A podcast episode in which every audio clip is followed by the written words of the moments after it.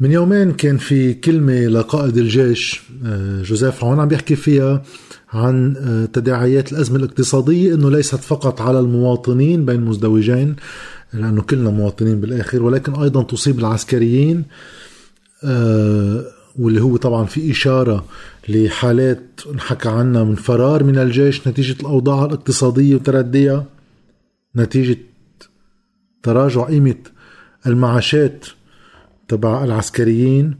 وأيضا كان في هيك مثل شبه توبيخ للسلطة السياسية إنه ما عم بيعملوا شيء. وبنفس الوقت آه، إشارة إلى أنه آه، هيك وضع استمراره خطير بتصور هذا الكل مجمع عليها طيب. ردة الفعل شو بدي بالسياسة مشروع رئيس جمهورية لا هو عم يحكي صح كله يجوز. بال بالواقع تلقفت السلطة السياسية بسرعة لافتة آه هيدي المناشدة. وامبارح آه النايب ووزير المال السابق علي حسن خليل آه بده يقدم اقتراح قانون بخصوص انه إضافة مليون ليرة لكل عسكري بالقطاعات العسكرية على ست اشهر أوكي يعني مثل ست أشهر تبع حكومة المهمة على أساس إنه ست أشهر بيمشي الحال. على ست أشهر آه، لأنه الأزمة المعاشيه وكذا. رح أحكي بالآخر عن هيدا الموضوع. بس تا واحد يحطه بسياق يمكن صار واحد لازم يحكي عنه. دائما بنحكي 97 و2001 و2 خلينا بس نرجع سنة. سنة نستعرض فيها كيف وصلنا لهون وشو معناته هالقرار. رح انطلق من المحل اللي بلش يصير فيه شيء على الصعيد الرسمي اللي هو بسبعة أدار 2020 لما أعلن رئيس الحكومة حسان دياب تعليق دفع الديون. يعني سندات اليورو بونز إنه ما رح بقى ندفع هالسندات الدين. هذا فتح مسار إنه اعتراف إقرار إنه في حالة إفلاس. على الصعيد الرسمي. أما خلي واحد يكون أداء في عدم قدرة على الاستمرار بالدفع. okay. طبعا هيك قرار بيستدعي مجموعة قرارات ومجموعة إجراءات لاحتواء الوضع ومعالجة الأزمة. من بعد ما سعر الصرف كان فارط المصارف مسكرة بوابة لأشهر لكن هذا صارت سلة وحدة. صار في ناس عندها سندات دولتنا ما عم تدفع لهم إياها ففي حاجة للتفاوض معهم.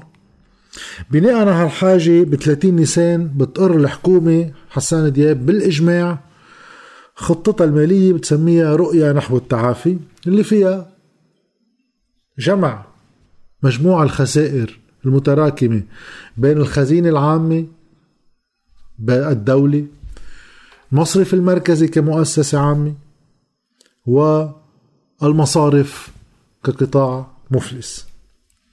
وزعت الخسارة على هوت ثلاثة وبنسب أقل على آخرين.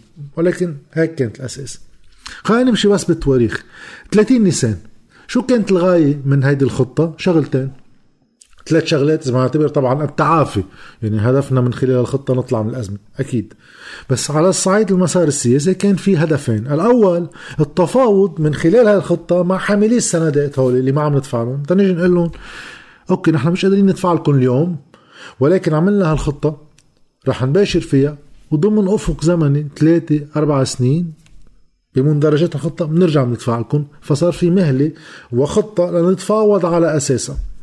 وتاني هدف فتح مسار التفاوض مع صندوق النقد لأنه البلد بحاجة لدولارات للتعافي نفسه لنقوم بعمليات الاستثمار وغيره وأيضا لمحاولة احتواء سعر الصرف وأيضا دعم بعض القطاعات بأولوية الخطة. هذا كان ب 30 نيسان بناء عليه ب 14 أيار بيبدأ التفاوض مع صندوق النقد. أول الجلسات بين الحكومة اللبنانية وصندوق النقد. يعني بعد أسبوعين على القد. أول اجتماع كان قبله بأيام يصدر عن المصرف المركزي امتعاضه من تحميله مسؤولية الخسارات. لأنه يعني طبعا بقلب الخطة كان في تحميله مسؤولية إنه هو كان عم بيقضف الخسارات ويخبيها. ورفض الأرقام وبيقوم على هاي أول جلسة عم نحكي فيها مع صندوق النقد. ما بيحضر الحاكم. يبعث عنه ممثلين وما بيحضر الاجتماع. بناء عليها ب 20 أيار بعد ست أيام يعني ليكل مسار خطة اعتراض بأول أسبوع تاني أسبوع بداية التفاوض مع صندوق النقد بياخذ موقف مباشر منه رياض سلامه وطبعا بالاجتماعات ال 16 اللاحقه كان عم بيعلن موقفه جوات الاجتماعات إنه هو رافض خطة الحكومة. هذا موظف بقلب الدولة مفروض. أوكي. بعد بخمسة أيام منها جمعية المصارف تطرح خطتها المالية. طبعا إنها تبيع الدولة كلها لما هي ما تدفع ولا قرش. على أساس إنه تبيع الدولة ملك مش لحدا اللي هو املاكنا النا ليش؟ لأن ممنوع هن يدفعوا خسارة. نحن بدنا ندفعها عنهم. فتمنوا وطلعت بعدين كل تقديراتهم طبعا غلط إنه قيمة هالأملاك العامة 40 مليار دولار بنبيعها وهذا. الهدف منها طبعا كل الصندوق النقد الاتحاد الأوروبي كل الخبراء. عرفوا إنه خطة آه، ما غير قابله للنقاش حتى يعني منا خطة ما اعترفوا بوجودها حتى. لأن راحوا عملوا برمي مع فرنسا وكذا طبعا. رجعوا رجعوهم على بيروت بأمان الله يعني. إنه هيدي رجعوها معكم الخطة ما بتسوى. بس كان الهدف من هالخطة نشك على اعتراض رياض سلامي لأن اعتراض واحد. ونعطل خطه الحكومة. هيدي ب 20 أيار. لكن 30 نيسان خطة 14 أيار تفاوض صندوق النقد 20 مع اعتراض رياض سلامه 20 أيار جمعية المصارف تطرح خطتها المالية بوجه هديك مع اعتراض شديد على خطة الحكومة. 27 أيار بعد سبعة أيام من خطة المصارف أول جلسة للجنة تقصي الحقائق بالمجلس النيابي. بنذكر خطة الحكومة اقرتها الحكومة بالإجماع. القوى السياسية مشكلة للحكومة وعيوا من بعد اعتراض رياض سلام واعتراض البنوك تعرفوا مين الحاكم الفعلي إنه آه هيدي الخطة اللي كان في عليها اعتراضات من هو فصاروا بدهم يلتفوا عليها. رجعوا كلهم بقلب لجنة تقصي الحقائق فجروا الخطة بلشوا ب 27 أيار. بس تتعرفوا هيدا أول اجتماع للجنة تقصي الحقائق هذا اللي جاي قال يشوف أرقام مين صح؟ لأنه رياض سلامة وجمعية المصارف بيقولوا أرقام الحكومة غلط. طبعا هن أصحاب مصلحة لأنه الحكومة عم تحملهم لهم خسائر ومسؤوليات. الحكومة طارحة خطتها صندوق النقد بيقول لا أنتم خسارتكم أكثر من ما الحكومة طارحة ولكن رح ننطلق إنه نقبل بهالتخفيض الطفيف بالتقدير بيننا وبين الحكومة. يعني صندوق النقد قبل. أوكي. أول اجتماع لهيدي لجنة تقصي الحقائق مين فيها؟ غير طبعا النواب الكرام. وزير المال طبعا. مدير العمليات المالية بمصرف لبنان يوسف الخليل. مدير المحاسبة بمصرف لبنان محمد علي حسن. مدير الاستقرار المالي بمصرف لبنان رودولف موسي. رئيس جمعية المصارف سليم صفير نائب رئيس الجمعية نديم القصار أمين عام الجمعية مكرم صادر. هولي غير النواب هول اللي حضروا. في تنوع. okay. هاي ب 20 ايار 27 أيار هالجلسه 17 حزيران 20 يوم. لجنة تقصي الحقائق بتعلن تقريرها وبتطير خطة الحكومة طبعا بالمسار اللي ركب دغري من بعدها. وصرنا بلد متعسر عن دفع سندات ال Eurobonds سعر الصرف فيه طاير. المصارف مسكرة على مصريات الناس من دون انهم capital control بتضبط إنه ما يحولوا لناس غير لناس وتجوز لهم أصلا إنه ما يعطونا مصرياتنا وبلا خطة تعافي لنعرف نطلع من هون. يعني صرنا بالمشي لاحظوا بين 30 نيسان و 17 حزيران شهر ونص كانت تفجرت كلها. من إنشاء الخطة للتفاوض للروحة للرجعة كانت راحت خلصت سفرناها. ففي سرعة وفي يعني في في حركة في في هيك مثل دولة عم تشتغل. طيب. طبعا بناء على لجنة تقصي الحقائق وتطوير خطة الحكومة والمشكل اللي شكوا عليه يعني جمعية إجوا لجنة تقصي الحقائق شكوا على اعتراض رياض سلامة وسليم صفير. عطيوه وزن مقابل الوزن تبع خطة الحكومة. أول تموز ببدايات تموز كان آخر لقاء بين لبنان وصندوق النقد طار التفاوض طارت الخطة وصلنا بال بال no man's land يعني. okay. هلا ب 22 تموز على خط تاني. لأن هاي طارت هلا. شو بدنا نعمل؟ 22 تموز الحكومة بتقر التدقيق الجنائي مع Alvarez and Marsal كان قبل اخذت وعطيت وكذا Kroll لأ هو بإسرائيل خبريه okay. ب 25 خلينا نبلش كيف بلشت القصة. ب 25 تشرين الأول رياض سلامة بيمتنع يعطي لهي شركة التدقيق الجنائي المعلومات Alvarez and Marsal بعد أقل من شهر ب 20 تشرين بتنسحب ألفاريس أند مارسل من لبنان. صرنا بلا تدقيق جنائي هذا كان من مطالب صندوق النقد وغيره. 24 تشرين بعد أربعة أيام من انسحاب ألفاريس أند مارسل من لبنان رئيس الجمهورية بيبعث رسالة للمجلس بيطالب فيها إنه الغوا لنا هالسرية اللي تحججوا فيها رياض سلامة طالما أنتم كنواب شكيتوا عليها. ب 26 بيجتمع المجلس بيطلع قرار. خبرونا بوقتها إنه ملزم كذابين كانوا طبعا لأنه طلع غير ملزم ولا شيء. رجعوا ب هيدا ب 27 تشرين الثاني ورجعوا ب 21 كانوا الأول بعد شهر. عملوا قانون نرفع السرية لألفاريس أند مارسل تجي تشتغل ومن وقتها طبعا ما صار شيء. اذا سكر كل الوضع ما عملنا شيء. يعني فينا نقول نحن من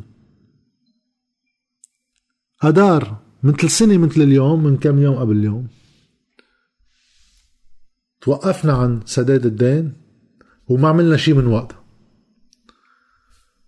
سنة ونص من اليوم كان سعر الصرف بلش يلعب والبنوك سكرت على مصريات الناس وما عملنا شيء لليوم. أوكي. عملنا شيء واحد إنه بشهر ونص قدرنا نطير خطة باجتماعات ورا اجتماعات ورا اجتماعات يعني هون في حركة. غير هيك ما في حركة على شيء طيب. هلا فشخة شوي بعد. على الصعيد الثاني اللي اسمه رياض سلامه الحكومة ولا ضربة خضعت للمصارف وهاي لجنة التقصي ورياض سلامه طيروا الخطة وفتنا باللا خطة باللا شيء. بلش الانهيار يكمل مساره طبعا شو. بعشرين آب بعد انفجار أربع آب رياض سلامة بيصرح لرويترز بعشرين آب 2020 بيقول البنك المركزي لديه 20 مليار دولار متاحة من العملات الأجنبية. 17 منها احتياطي إلزامي إنه هذا ما في دق فيه هو. وهو بذلك يستطيع مواصلة الدعم لثلاث أشهر فقط بعشرين آب شهر ثمانية يعني تسعة عشرة 11 تشرين الثاني مفروض خلص الدعم. طيب قطع تشرين الثاني بيطلع بواحد كانون الأول. يعني دغري بعد تشرين. 2020 طبعا. رياض سلامة بيقول إنه قادر على إبقاء الدعم لشهرين إضافيين فقط. خلصوا أول ثلاثة اشهر اللي خبرنا عنهم. أعطينا أوفر إنه بنعطيكم بعد شهرين. بس مش قادر ولا نهار زيادة. شهرين يعني 12 واحد. مفروض بلش شباط قشطنا. طبعا مع كل إعلان من النوع انهيار بسعر الصرف و panic وخوف على الدعم و... okay. لكن مفروض يخلص شهر واحد نكون صرنا بالأرض. قبل ما يخلص شهر واحد بكم يوم؟ 21 لا يا ريت قبل ما يخلص شهر 12 اذا بأول شهر 12 2020 كان قلنا معه شهرين. ب 21 كانون الأول 2020 يعني بعد 20 يوم. رياض سلامه بمقابله لتلفزيون الحره بيقول ما زال لدينا أكثر من 2 مليار دولار لاستخدامها في الدعم ولن نمس بالأحتياط الإلزامي. بذكركم. هلا نحن صرنا بشهر ثلاثة وبعده الدعم شغال وبعدها الدولارات تنصرف كان قالنا هو إنه من بعد هذا الأوفر اللي أعطينا إياه إنه بي هو بيخلص شهر واحد لعوض بسلامتكم من بعد ما قالنا إنه بيخلص شهر 11 لعوض بسلامتكم ب 21 بيقول إنه معه مليارين بوقت. باب هاي باخر هاي باخر 12 يعني بعد أربع أشهر. كان لنا معه 3 مليارات. قادر يصرفهم. وكنا كل شهر على أساس في 700 مليون. فرخوا دولارات زرعهم شي في مكان ما يعني. هلا هيدا الشيء وتعريضه لسعر الصرف ولخضات بالسوق ولكل هيدا الحديث من قبل حدا مسؤول عن استقرار سعر الصرف نظريا ما استدعى من لجنة المال ولا جمعية المصارف ولا لجنة الرقابة ولا مدعي العام المالي ولا وزير المال ولا حدا يعمل له هيك تقصي حقائق شي قصة تنعرف خيي شو معه مصريات بالمصرف المركزي كل مرة بخبرنا خبرية. وبعدنا ماشيين. بلا حكومة من تقريبا تسعة آب تتاخد ولا إجراء. لا في خطة لا في capital control لا في إدارة لسعر الصرف. تتوزع الخسائر على كل الناس محبوسة مصرياتهم وكل شوي سعر الصرف بيطير بطريقة. طيب هيدا هو وضعنا نوصل للمليون ليرة. مين طرحها؟ وزير مال سابق هذا المفروض بيعرف بالمال. مليون ليرة بس على القطاعات العسكرية على الأفراد. يعني عم نحكي عن 120 ألف شخص تقريبا بالقطاعات العسكرية المختلفة. من جيش أمن عام أمن داخلي أمن دولي وغيره يعني بالشهر هاي الزودة لحالها 120 مليار ليرة. 120 مليار ليرة. على ست شهور. يعني بحدود سبعة 700 وتقريبا 20 مليار 720 مليار ليرة. هاي بدنا نطبعها هلأ. نحن كل ما نزيد الليرات بيزيد الطلب على الدولار بينخفض قيمة الليرة زيادة وبصير يشبه طلوع سعر الصرف. يعني الدولار بيصير على 10 و11 و12 شو الحال بهيك وضع؟ يزيد للعسكر مليون ليرة يعني 100 دولار. هال 100 دولار يمكن تصير قيمتها 50 دولار؟ بمجرد ما أخذ القرار وطبع ليرات هيك. في 120 ألف شخص قد يستفيدون من هال 50 60 70 دولار. okay؟ وفي 5 ملايين بيقشط كل قوتهم الشرائية مع زيادة التضخم تدهور سعر الصرف. هيدا مين راح بهالقرار؟ وزير مال سابق. okay. بس بغض النظر عن هيدا الشيء في واحد ينتبه لشغلة إنه هي بتدل على شيء هي بتدل على الأولويات السياسية للحكم. لأنه هو بيعرفوا مجتمعهم والناس اللي مأيدتهم واللي مخاصمتهم من مين مكونين ومن مين متضرر. مثل ما عرفوا دغري بخمسة أيام إنه هاي خطة الحكومة له شكلها ما بتسوى اعترض عليها رياض سلامه راحوا فجروها من أساسها. بيعرفوا طبعا مين متضرر ومين منتفع. اذا في قرار مش عم بقول خاطئ ولا صائب في قرار إنه في أولوية لهيدا الشيء اللي اسمه قطاعات عسكرية على حساب بقية الناس لأنه هيدا ضروري يبقى عم بيلعب دور. طيب هالدور قد يكون إشارة إلى تخوف من إنه الانفلات الاجتماعي انفلات الأزمة من دون ضابط رح يؤدي لحاجة إضافية لأدوار أمنية بضبطها. بالمرحلة الجاية. السؤال بصير شو عملتوا انتو آخر سنة ونص لضبطها؟ بتخلي الوضع كله يفرط ليصير عندك مرض وتصير ما معك مصريات لتجيب حق الدواء. بتجيب حق المصريات تبع الدواء بيقوم بيزيد المرض عند غيرك لأنه غيرك بطل قادر يجيب دواء. هاي الآلية اللي شغالة. أكثر من هالسنة اللي قطعت بس خلينا بموضوعنا هالسنة. تأختم نحن مع هالمسار الأسود اللي عم نمشي فيه شو ناطرين الفرج؟ من وين بده يجي الفرج هلا؟ بده يجي من عند إنه سعد الحريري يعمل حكومته رئيس الحكومة المكلف.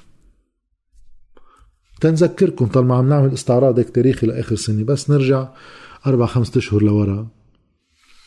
ب 21 تشرين الأول 2019 هذا الرجل اللي اسمه سعد الحريري اللي كان رئيس حكومة مثل ما هلا رح يصير يعني بإذنه تعالى كمان رئيس حكومة من جديد.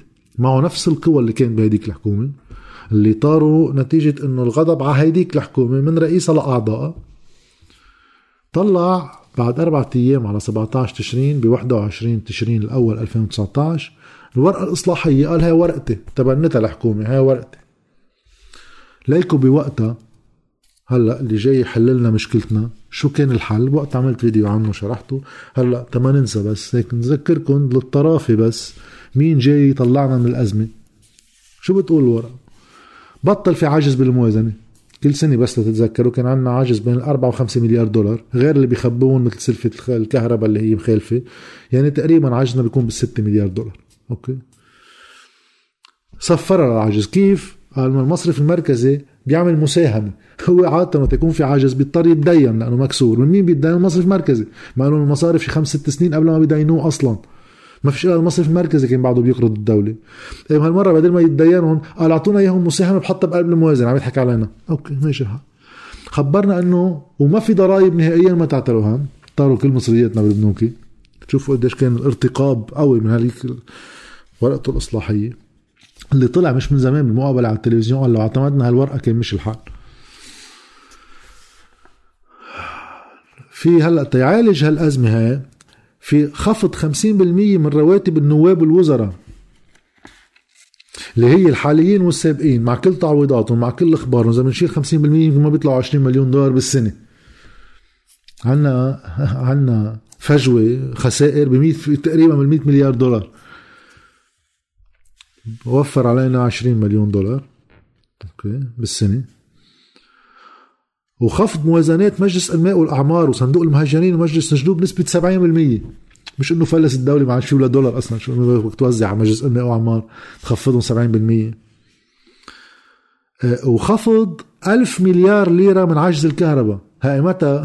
بآخر 2019 هلا صرنا بال 2021 بيطلع وزير الطاقة بيقول لنا إذا ما بتعطوني سلفه ب 1500 مليار هلا هالجمعتين الجايين رح يجتمع المجلس بكرة لي ليعطيه إياهم. 1500 مليار ما فيش كهرباء بعد شهر ثلاثة كان بوقتها بده يخفض 1000 مليار ليرة من عجز الكهرباء. سحر عملية سحر. بعد في كمان قصص. إقرار مشروع قانون للعفو العام قبل آخر السنة الحالية.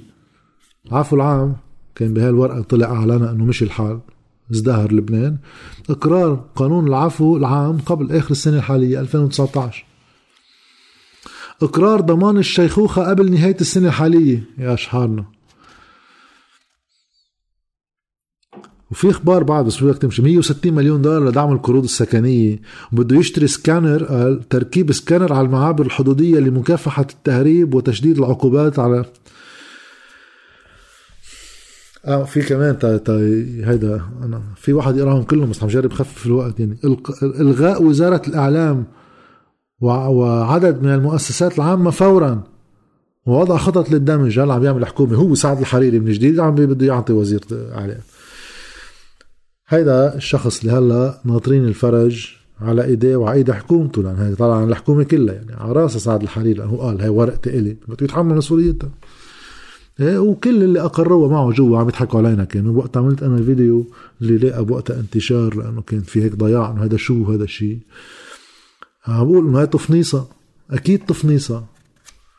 بوقتها طلعوا هن جماعاتهم يعملوا حملة علي إنه قال أنا مثل ما طلع أحد النواب هلا مؤخرا إنه هو ما بيفهم. بس نعطي مليون ليرة للعسكر. هو الحل. هيك بيمشي حاله العسكري لكل قيمة معاشه ما يطلع 300 دولار.